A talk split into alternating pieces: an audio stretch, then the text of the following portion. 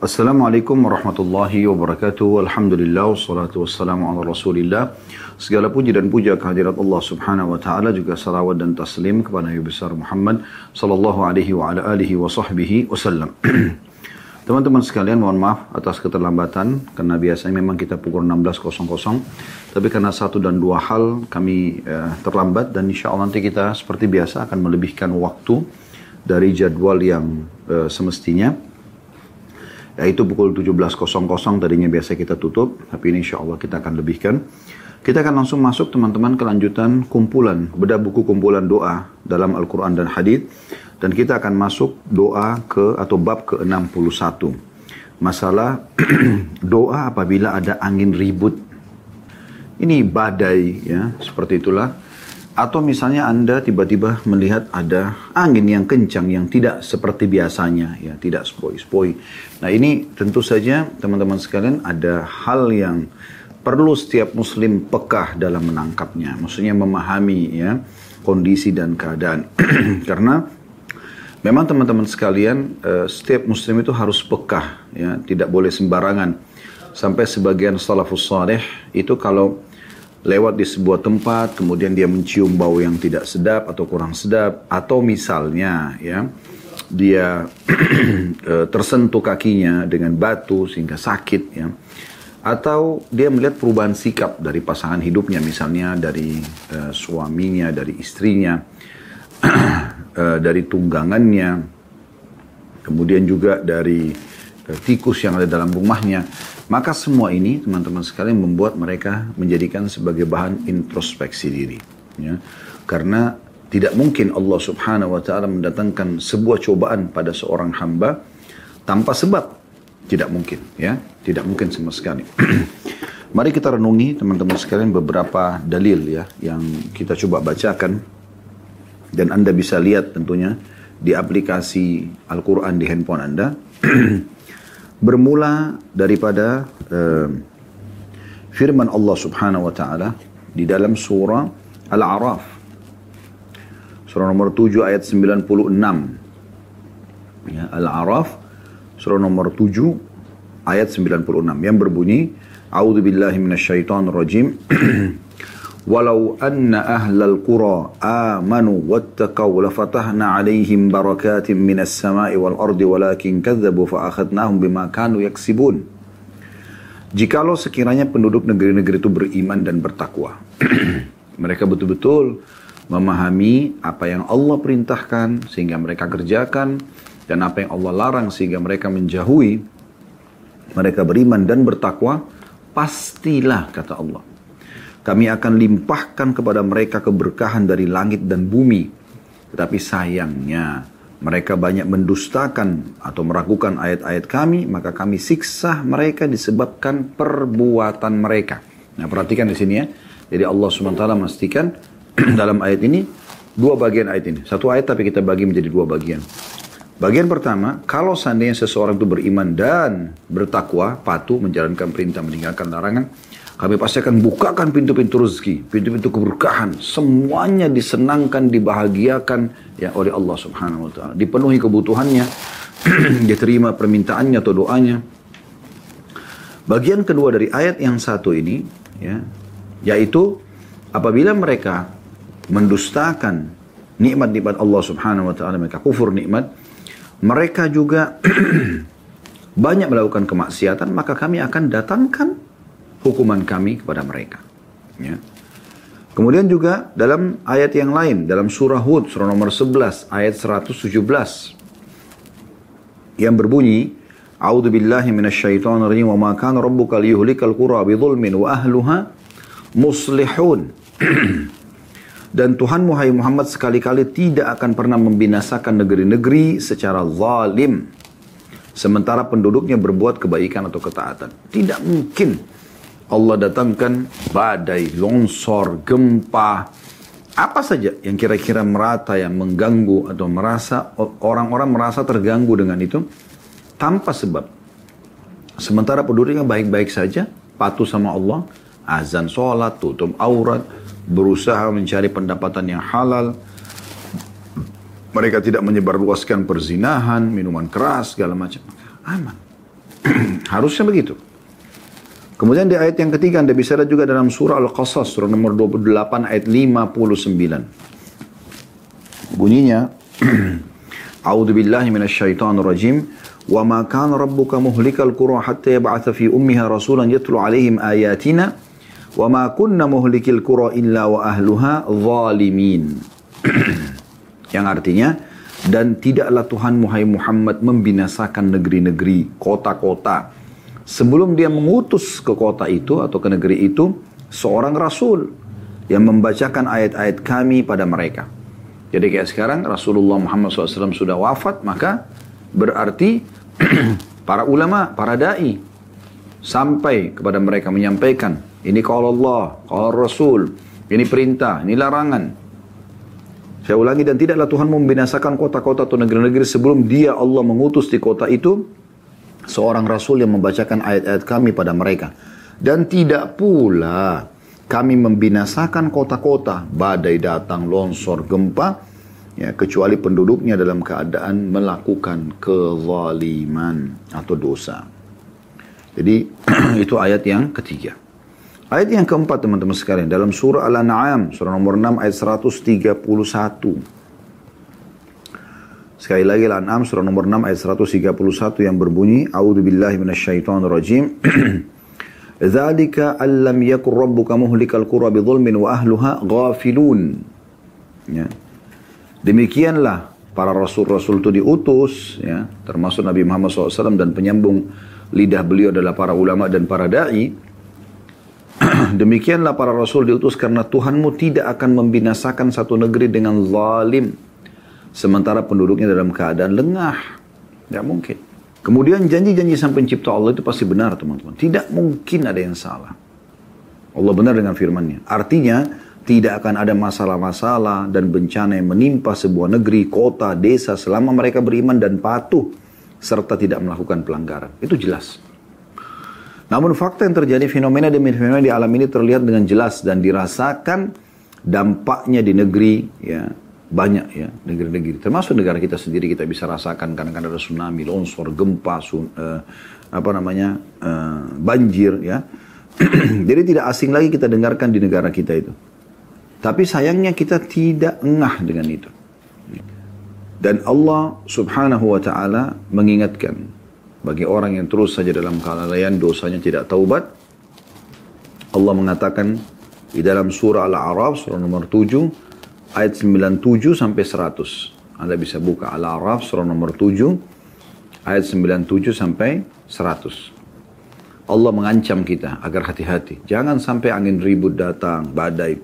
Jangan sampai longsor, gempa, tsunami, atau wabah penyakit yang merata. Kata Allah Subhanahu wa taala kalau masih orang berbuat dosa di ayat 97-nya, A'udzubillahi minasyaitonirrajim, afa amina ahlul qura an ya'tiyahum ba'suna bayatan wa hum naimun.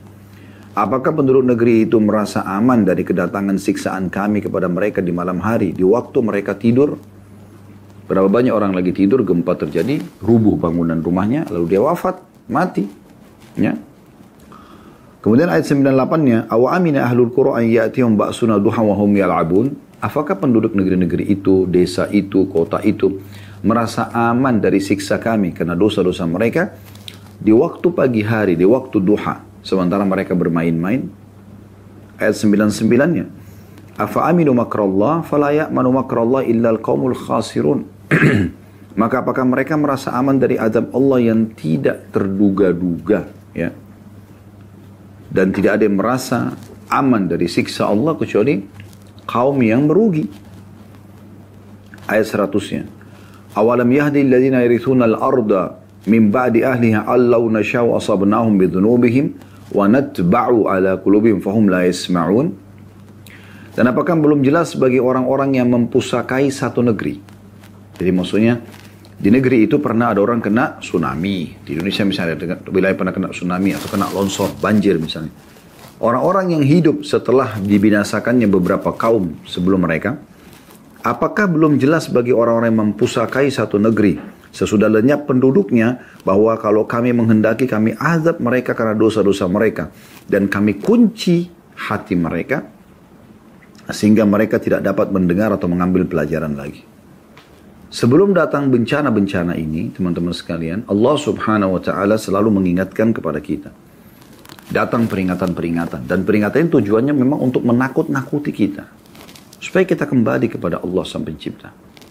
Allah sebutkan dalam Al-Quran. Anda bisa lihat dalam surah Al-Isra, surah nomor 17 ayat 59. Allah subhanahu wa ta'ala berfirman. A'udhu billahi minasyaitonir rajim. Wa ma nursilu bil ayati illa takhwifa. Dan kami tidak utus tanda-tanda kami Ya. Kecuali memang untuk menakut-nakuti. Sebelum dan datang gempa yang besar, gempa kecil dulu terjadi. Sebelum datang banjir yang besar, mungkin banjir yang kecil yang masih bisa ditangani. Sebelum datang tsunami, mungkin ada ya luapan-luapan dari laut, tapi belum terlalu besar. Dan seterusnya. Kemudian Allah juga mengingatkan agar kita kembali ke jalannya segera. Sebelum datang angin ribut ini, badai dan segala macam. Di dalam surah At-Taubah surah nomor 9 ayat 126 Allah berfirman, A'udzu billahi minasyaitonir rajim. Ya. Awalam yarawna annahum yuftanuna fi kulli 'amin marratan aw marratin thumma la yatubuna wa lahum yadhakkarun? Yang artinya dan tidakkah mereka memperhatikan bagaimana atau bahwa mereka diuji sekali atau dua kali setiap tahun dan mereka tidak juga bertaubat dan tidak mengambil pelajaran. Jadi setiap tahun ada ujian-ujian datang. Ya. Kalau mereka tetap ngotot, maka datang yang sesuatu yang besar, lebih besar nanti. Kemudian dalam surah As-Sajdah surah nomor 32 ayat 21 juga Allah berfirman, A'udzu billahi minasyaitonir rajim. Walanudhiqannahum minal adzabil adna dunal adzabil akbar la'allahum yarji'un. Yang sungguhnya kami memberikan kepada mereka siksa atau azab di dunia sebelum datang azab akhirat agar mereka kembali segera ke jalan benar. Demikian pula dalam surah Yunus surah nomor 10 ayat 13. Ya. A'udzu billahi minasyaitonir rajim wa laqad ahlaknal quruna min qablikum lamma zalamu waja'at waja'atuhum rusulun bil bayinati wa ma kanu liyu'minu kadzalika najzil qaumal mujrimin. Ya. Dan sungguhnya kami telah membinasakan umat-umat sebelum kamu ketika mereka berbuat kezaliman. Jadi sudah banyak orang sebelum kita disiksa karena dosa-dosa mereka. Datanglah badai, datanglah banjir, datanglah tsunami, datanglah longsor, datanglah penyakit yang mematikan atau mati tiba-tiba yang mengenaskan orang semua jadi lihat kok bisa begini ya jenazahnya hancur segala macam terbakar hangus sambar petir ya, dan segala macam Padahal Rasul-Rasul mereka telah datang kepada mereka kata Allah dengan membawa keterangan-keterangan yang nyata. Tapi sekali-kali mereka tak hendak beriman. Demikianlah kami memberikan balasan kepada orang-orang yang berbuat dosa. Nabi SAW teman-teman setiap kali kelihatan mendung, gelisah beliau, mondar mandir. Dan pernah satu kali Aisyah bertanya, Ya Rasulullah ada apa dengan anda? Kenapa anda gelisah seperti ini? Kata Nabi SAW, wahai Aisyah, apa jaminan di belakang awan yang mendung ini azab? Kalau sudah pasti turun air hujan, udah pasti, oke, okay, kita tenang. Baru Rasulullah SAW tenang. Tapi kalau tidak bisa saja siksaan. Kita tidak pernah tahu. Karena siksaan bisa datang karena meratanya dosa yang ada. Sebenarnya dalam hadis Bukhari pernah ditanya oleh Ummu Mukminin Ummu Salamah radhiyallahu anha beliau mengatakan ya Rasulullah apakah kami akan dibinasakan oleh Allah sementara di tengah-tengah kami ada orang-orang saleh? Kata Nabi SAW, iya kalau dosa lebih banyak. Dan harus hati-hati sekali. Harus hati-hati sekali. Ya. Harus peka dengan masalah ini. Karena kalau tidak akan jadi masalah baru. Ya. At-Tabari rahimahullah dalam tafsir beliau di jilid 17 halaman 478 pernah menyampaikan sebuah riwayat bahwasanya terjadi gempa di masa Abdullah bin Mas'ud radhiyallahu anhu. Gempa tidak terlalu besar, tapi gempa. Orang rasakan ada goncangan seperti yang biasa rasakan hitungan detik maka beliau segera langsung mengangkat suaranya sambil mengatakan, Wahai sekalian manusia, sesungguhnya Allah menginginkan kalian bertobat kepadanya, maka segera kembali kepada Allah. Berapa kali kita rasakan gempa? Kita cuma mengatakan gempa ya, takut. Setelah itu cuma jadi bahan bicara saja. Tidak diambil pelajaran dari situ. Subhanallah.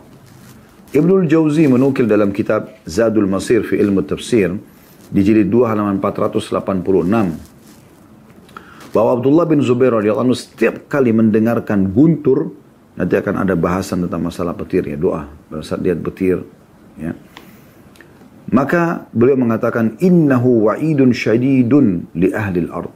Sungguhnya ini peringatan yang sangat keras dan tegas untuk kepala atau seluruh penduduk bumi. Banyak di antara kita tidak engah dengan masalah ini. Maka harus hati-hati sekali. Ya. Jadi kita harus pekah.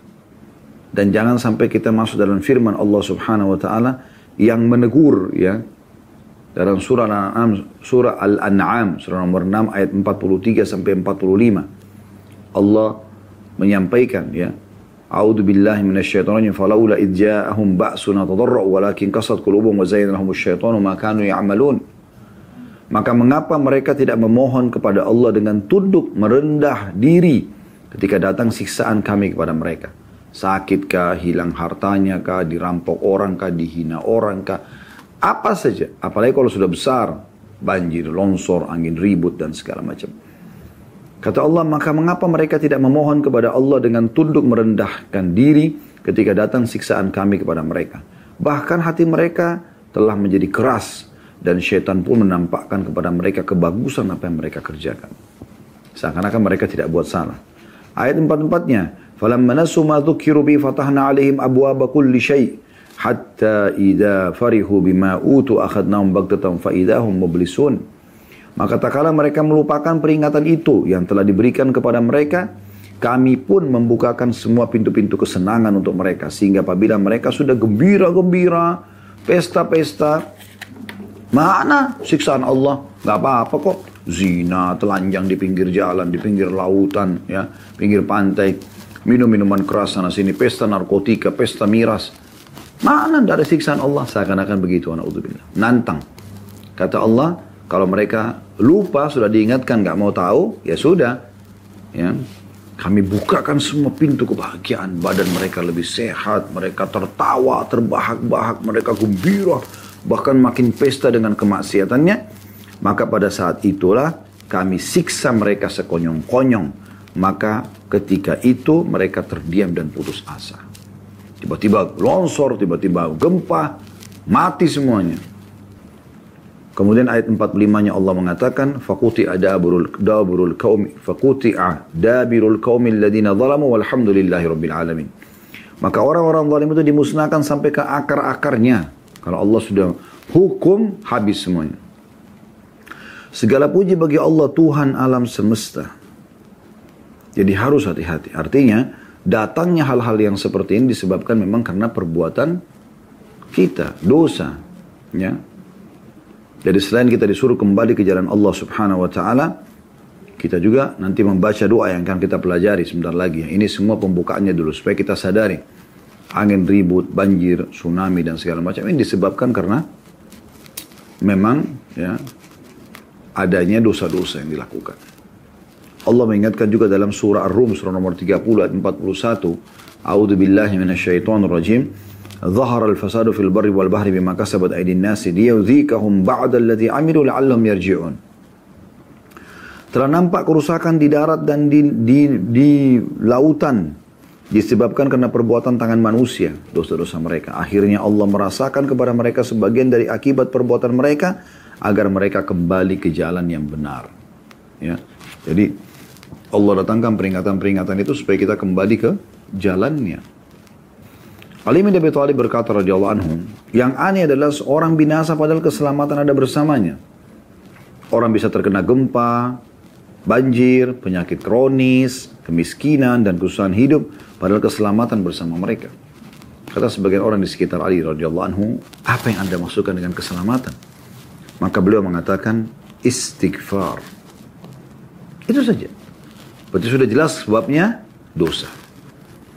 Kata ada rahimahullah berkata, Sungguh Al-Quran menunjukkan kepada kalian penyakit atau sumber seluruh permasalahan kalian. Dan berikut obatnya juga. Penyakit kalian adalah dosa dan obatnya adalah istighfar. Ya. Baik, kita masuk teman-teman sekalian. Itu tadi pembukaan kita supaya kita sadari. Kalau ada yang seperti ini datang, angin ribut. Kan judul kita doa apabila ada angin ribut. Bukan angin spoi-spoi ini. ya Angin yang kita khawatirkan merubuhkan rumah, badai. Jadi selain kita jadikan bahan introspeksi diri, Astagfirullah ini ada dosa nih gitu kan. Bukan cuma itu, hal-hal kecil tadi kita bahasakan. perubahan sikap pasangan misalnya, atau perubahan sikap di tunggangan ya. Kayak zaman dulu para salafus saleh misalnya pakai unta, pakai kuda, mereka lihat kok ada perubahan sikap. Nah itu bahkan tikus di rumahnya saja dianggap sebagai ada dosa yang datang. Nah, itu yang dia lakukan. Baru kemudian masuk ke doa. Introspeksi dulu. Apabila seseorang melihat angin ribut, maka ada dua yang dia, dua, ada dua buah doa yang diangkat oleh penulis di sini. Yang pertama adalah hadis riwayat Abu Daud jilid 4 halaman 326, Ibnu Majah jilid 2 halaman 1228 dan Syekh Albani sebutkan dalam Sahih Ibnu Majah jilid 2 halaman 305. Yang berbunyi Allahumma inni as'aluka khairaha wa a'udzu bika min syarriha. Ya Allah, sungguhnya aku memohon kepadamu kebaikan angin ini dan aku berlindung kepadamu dari keburukannya. Maksudnya, kalau seandainya ada manfaat yang datangkan oleh angin ini, maka aku mohon ya Allah. Seperti kita tahu butir-butir, ya, berterbangan, biasa karena ada angin juga ya. Ada manfaat-manfaat angin. Kalau ada kebaikannya ya Allah aku minta kepada walaupun angin ribut. Dan aku berlindung kepadamu dari keburukannya, karena dia menghancurkan segala macam hal. Maka ini kita minta. Tapi ingat, yang pertama sekali introspeksi diri sebagaimana tadi panjang lebar kita jelaskan ya. Bagaimana banyak dari Al-Quran yang menjelaskan Allah tidak mungkin, tidak mungkin mendatangkan seperti ini. Angin ribut, badai, longsor, tsunami. Kalau orang itu buat ketaatan, nggak mungkin. Bahkan dia tidak akan terganggu sama sekali. Dia akan aman, tentram, sentosa. Ada yang berusaha ganggu dia pun akan Allah balas dengan caranya Allah. Tak usah kita yang repot-repot membalasnya, nggak perlu. Allah maha melihat, maha perkasa, maha teliti, maha kuasa.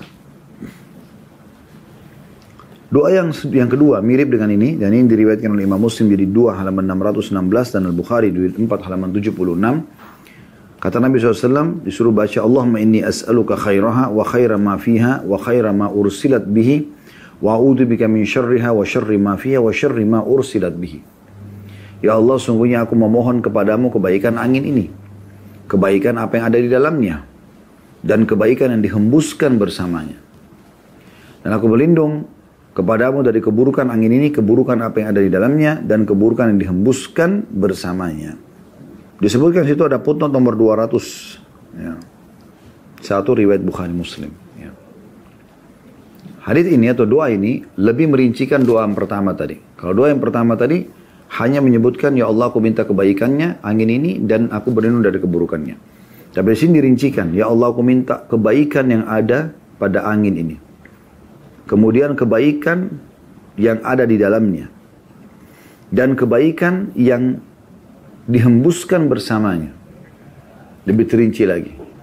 Dan aku berlindung kepadamu dari keburukannya, keburukan yang ada di dalamnya, dan keburukan yang dihembuskan bersamanya. Maksudnya yang bisa menghancurkan, merusak gitu.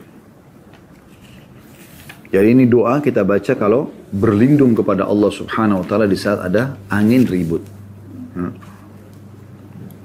Dan biasanya memang angin ini selalu ada ya, kayak tsunami. Tsunami itu juga ada angin yang membuat gelombang yang sangat besar juga itu ada kekuatan angin. Jadi bisa dibaca pada saat itu. Badai, ya. Hujan deras pun itu juga biasanya karena ada angin yang meniupkan ya. Jadi ini sudah mewakili sebenarnya. Kemudian bab ke-62 tentang doa ketika ada petir. Semua orang bisa lihat petir. Ini sayang sekali kalau kita tidak ambil pelajaran dan kita tidak anggap itu peringatan dari Allah subhanahu wa ta'ala. Sebagaimana dijelaskan di sini ada di footnote nomor 202. Ini doanya ya kalau lihat petir. Apabila Abdullah bin Zubair radhiyallahu mendengar atau melihat petir, guntur, ya, Beliau berhenti berbicara dan mengucapkan subhanalladzi yusabbihu ra'du bihamdi wal malaikatu min khifati. Maha suci Allah yang mana petir pun bertasbih memujinya dan begitu juga para malaikat takut kepadanya. Ini disebutkan ya, dalam kitab Muwatta Imam Malik jadi dua halaman 990 dan Al-Albani mengatakan hadis ini mauquf dan sahih sanadnya. Maksudnya mauquf sampai ke sahabat saja sampai ke sahabat saja. Jadi kalau kita dengar, lihat petir, dengar guntur, maka ini semua kita jadikan sebagai ajang kita untuk menunjukkan rasa takut kita kepada Allah. Karena petir itu kalau jarak jauh kita lihat, bisa saja tiba-tiba pindah ke tempat kita. Dalam hitungan detik. Dan menyambar kita lalu membakar. Saya pernah lihat ada cuplikan di Youtube ya. Tentang petir menyambar manusia. Subhanallah. Hitungan detik menyambar seseorang. Bisa hangus di tempat. Ya. Bisa langsung dia meninggal seketika. Nah, walaupun ada juga yang disambar petir masih bisa selamat. Tapi subhanallah begitu keadaannya. Ya. Dan ini bahaya sekali. Itu sudah ada peringatan dari Allah Subhanahu wa taala. Sudah kita jelaskan tadi bagaimana Abdullah bin Zubair juga radhiyallahu anhu radhiyallahu anhuma beliau kalau mendengarkan suara guntur saja beliau mengingatkan kalau ini peringatan jelas, tegas sekali. Ya. Untuk seluruh penduduk bumi harus hati-hati dan kita sering dengar tapi kita nggak pekah. Maka harus hati-hati teman-teman. Jadi bukan cuma doa dan ini diambil potongan ayat ya dari surah Ar-Ra'd atau memang bicara masalah petir itu sendiri. Baik teman-teman sekalian, kita akan insya Allah melanjutkan ke bab 63. Ya. Kalau tadi kita sudah bahas bab 61 doa apabila angin ribut, dan kita sudah bahas bab ke-62 doa ketika ada petir. Ya. Dan kita akan masuk sekarang bab ke-63, ini sampai ke bab 66 tentang masalah hujan. Ya, hujan. Ini juga sering kita lihat dan kita rasakan. Alhamdulillah Indonesia termasuk negara yang Allah suburkan dengan hujan-hujan. Ada banyak negara di Timur Tengah mereka berharap bisa hujan. Kadang-kadang setahun sekali hujannya itu. Ya. Ini teman-teman sekalian eh, ada doa-doanya. Ada doa-doanya. Doa yang pertama kalau hujan turun. Atau maaf ini doa memohon hujan dulu. Doa memohon hujan. Karena kalau hujan tidak turun kemarau panas, kehabisan air, gitu kan. Mungkin ada pernah rasakan ya di beberapa wilayah kita di Indonesia pun kita bisa pernah atau pernah kita rasakan bagaimana uh, karena panasnya sehingga dan kemarau yang berkepanjangan sehingga tidak ada air. Saya pernah ke Irian beberapa tahun yang lalu dan sempat beberapa waktu tinggal di sana. Uh, ada ber, uh, urusan dakwah pada saat itu dan subhanallah ya nggak ada air. Rumah-rumah masyarakat di pedalaman itu mereka pakai uh, apa namanya uh, kolam ya. Mereka buat kolam di dekat kamar mandi atau di dekat kamar mandi dia cukup besar. Bagian atapnya itu terbuka dengan tujuan air hujan turun maka mereka menampungnya dan dipakailah itu untuk makan dan segala macam aktivitas yang lainnya. Jadi saat hujan tidak turun betul-betul mereka tidak punya air. Ya. Seperti itu kurang lebih. Jadi air ini hujan ini betul-betul manfaatnya luar biasa dan Allah sudah sebutkan dalam banyak ayat Al-Quran berhubungan dengan masalah air hujan. Kami turunkan air hujan dari langit penuh dengan berkah ya, dan kami hidupkan negeri-negeri, kami hidupkan tumbuh-tumbuhan, ya, apa kami hidupkan tanah kemudian kami tumbuhkan tumbuh-tumbuhan di sana. Dan akhirnya kan turunnya hujan, manusia bisa beraktivitas. Air yang membuat kita nanti disaring bisa jadi air minum. Anda bayangkan kalau dalam sehari Anda tidak minum. Maka ada air minum, air sehat setelah disaring dari air hujan itu sendiri Itu juga untuk cuci baju, untuk bersihin rumah, bersihin mobil. Nah, kita butuh air. Untuk masak, kita butuh air. Untuk mandi. Ya. Jadi airnya luar biasa. Makanya Allah SWT mengatakan dalam Al-Quran, وَجَعَلْنَا مِنَ الْمَاءِ كُلَّ شَيْءٍ حَيٍّ Dan kami jadikan dari air itu segala sesuatunya hidup. Hidup. Ya, kami hidupkan. Memang karena air itu. Dengan air tumbuh-tumbuhan tumbuh dan akhirnya buah-buahan kita bisa nikmati. Tanpa air gak mungkin bisa. Tanpa air hewan-hewan tidak mungkin hidup. Ya. Nah, kita bisa menikmati ayam, daging ayam, sapi, kambing juga karena mereka hidup dari air. Kalau tidak ada air bisa mati. Ya. Jadi air itu segala satunya. Makanya kalau air itu tertahan, maka bisa kembali kepada hadis Nabi Shallallahu Alaihi Wasallam. Tidak ada seseorang dari kalian menolak untuk membayar zakat kecuali Allah akan tahan tetesan air dari langit. Ya, jadi kita sama tadi poinnya kita introspeksi diri. Mungkin ada kesalahan dosa yang kita lakukan sehingga akhirnya membuat ya uh, hujan tertahan. Baru kemudian setelah itu kita baca doa. Jadi doa ini di nomor dua kan setelah introspeksi dulu, introspeksi diri dulu. Doa yang pertama kalau minta memohon hujan turun diriwayatkan oleh Imam Abu Dawud di jilid 1 halaman 303 dan dinyatakan sahih oleh Albani dalam sahih Abu Dawud jilid 1 halaman 216. Allah meskina gaithan mugithan mari'an mari'an nafi'an ghaira dharin ajilan ghaira ajil. Ya, jadi ini ada kurang lebih empat potong doa ini ya. Allahumma skina gaithan mugithan. Ya Allah turunkanlah hujan untuk kami yang membawa pertolongan Gaith artinya hujan mugithan yang bisa membawa pertolongan membantu kehidupan kami Mari'an mari'an pakai hamzah pertamanya mari'an, yang kedua mari'an pakai ain ya. Menyuburkan tanaman dan bermanfaat. Atau menyuburkan tanaman ya. Nafi'an ghaira dharin. Bermanfaat dan tidak menimbulkan mudarat. Yang keempat yang terakhir ajilan ghaira ajil yang segera dan tidak terlambat. Jadi empat potongan doa ini kita coba rincikan sedikit. Yang dimaksud dengan potongan pertama, Allah meskina gaithan mugithan. Ya Allah turunkanlah hujan untuk kami yang membawa pertolongan. Berarti ada hujan yang tidak bawa pertolongan? Ada. Hujan yang turun untuk menghancurkan negeri-negeri. Ya.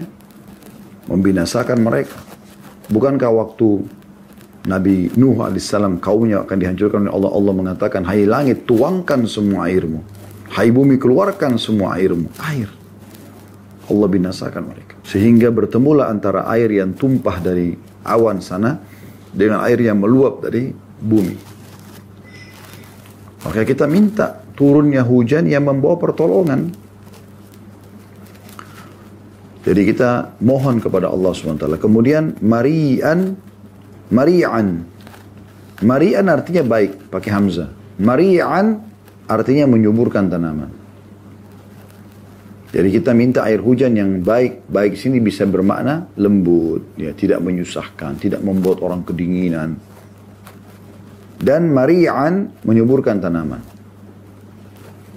Karena turun porsinya pas. Gitu. Karena kalau terlalu lebat juga jadi banjir, maka tidak bisa menumbuhkan tanam-tanaman. Potongan yang ketiga, nafi'an ghaira dhar. Bermanfaat dan tidak menimbulkan mudarat. Artinya bermanfaat hujan itu. Yang kalau engkau turunkan ya Allah ini bermanfaat. Bukan juga terlalu sedikit, bukan juga terlalu banyak. Ya. Kemudian ajilan ghaira ajil. Segera dan tidak terlambat. Jadi jangan sampai kami kekurangan ya Allah, kekeringan ya Allah. Selama sekarang kami butuh langsung kau berikan. Itu potongan doa yang pertama. Masih bab yang sama, bab 63, potongan doa yang kedua, Allahumma agithna, Allahumma agithna, Allahumma agithna. Tiga kali dibaca. Ya Allah turunkan hujan buat kami. Ya Allah turunkanlah hujan buat kami. Ya Allah turunkanlah hujan buat kami. Hadis ini diriwayatkan Bukhari jadi satu halaman 224 dan Muslim jadi dua halaman 613. Jadi kita lihat dari dari doa ini cuma potongan doa yang pendek tapi dijadikan berulang kali. Allahumma agithna, Allahumma agithna, Allahumma agithna. Ini diriwayatkan juga dalam Ibad Bukhari. Bagaimana disebutkan tentang mukjizat Nabi SAW, kuasa Nabi terhadap air hujan. Waktu beliau sedang khutbah, kemudian ada orang yang teriak-teriak dari luar masjid mengatakan, Ya Rasulullah, Ya Rasulullah. Kata Nabi SAW, kenapa kamu? Dia bilang, Ya Rasulullah, terputuslah jalan-jalan kami, binasalah hewan-hewan kami. Karena kering semuanya, kami nggak punya harta, nggak punya ya, ya, yang bisa kami simpan hewan-hewan kami. Karena kering mereka mati kelaparan hewan tersebut. Harta kami itu habis kami infakkan terus. Karena tidak ada tidak ada yang bisa menghidupi kami. Karena air mati. Subhanallah orang kalau ada air tidak ada makanan pun masih bisa hidup. Tapi kalau ada makanan tidak ada air bisa mati ini.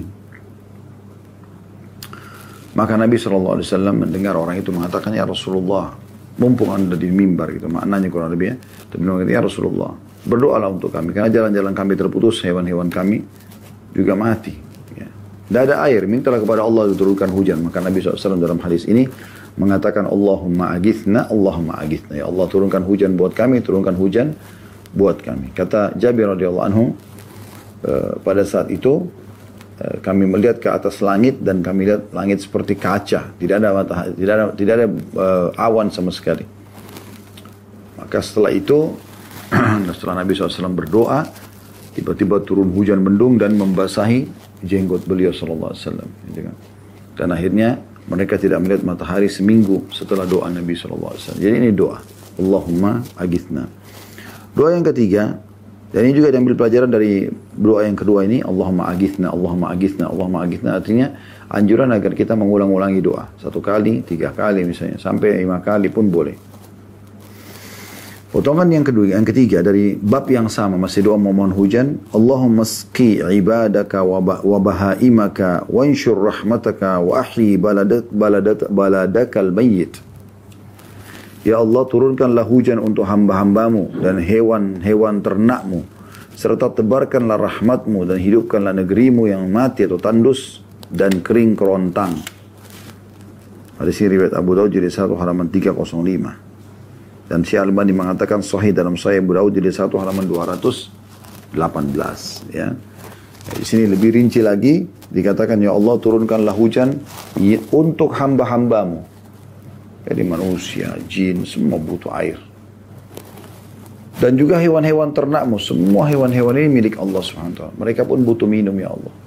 Saya jangan karena dosa kami, akhirnya engkau tidak memberikan kehidupan bagi mereka. Dan serta tebarkanlah rahmatmu dan hidupkanlah negerimu yang mati. Maksudnya dengan hujan itu akhirnya rahmat Allah meluas semua kebutuhan hamba terpenuhi.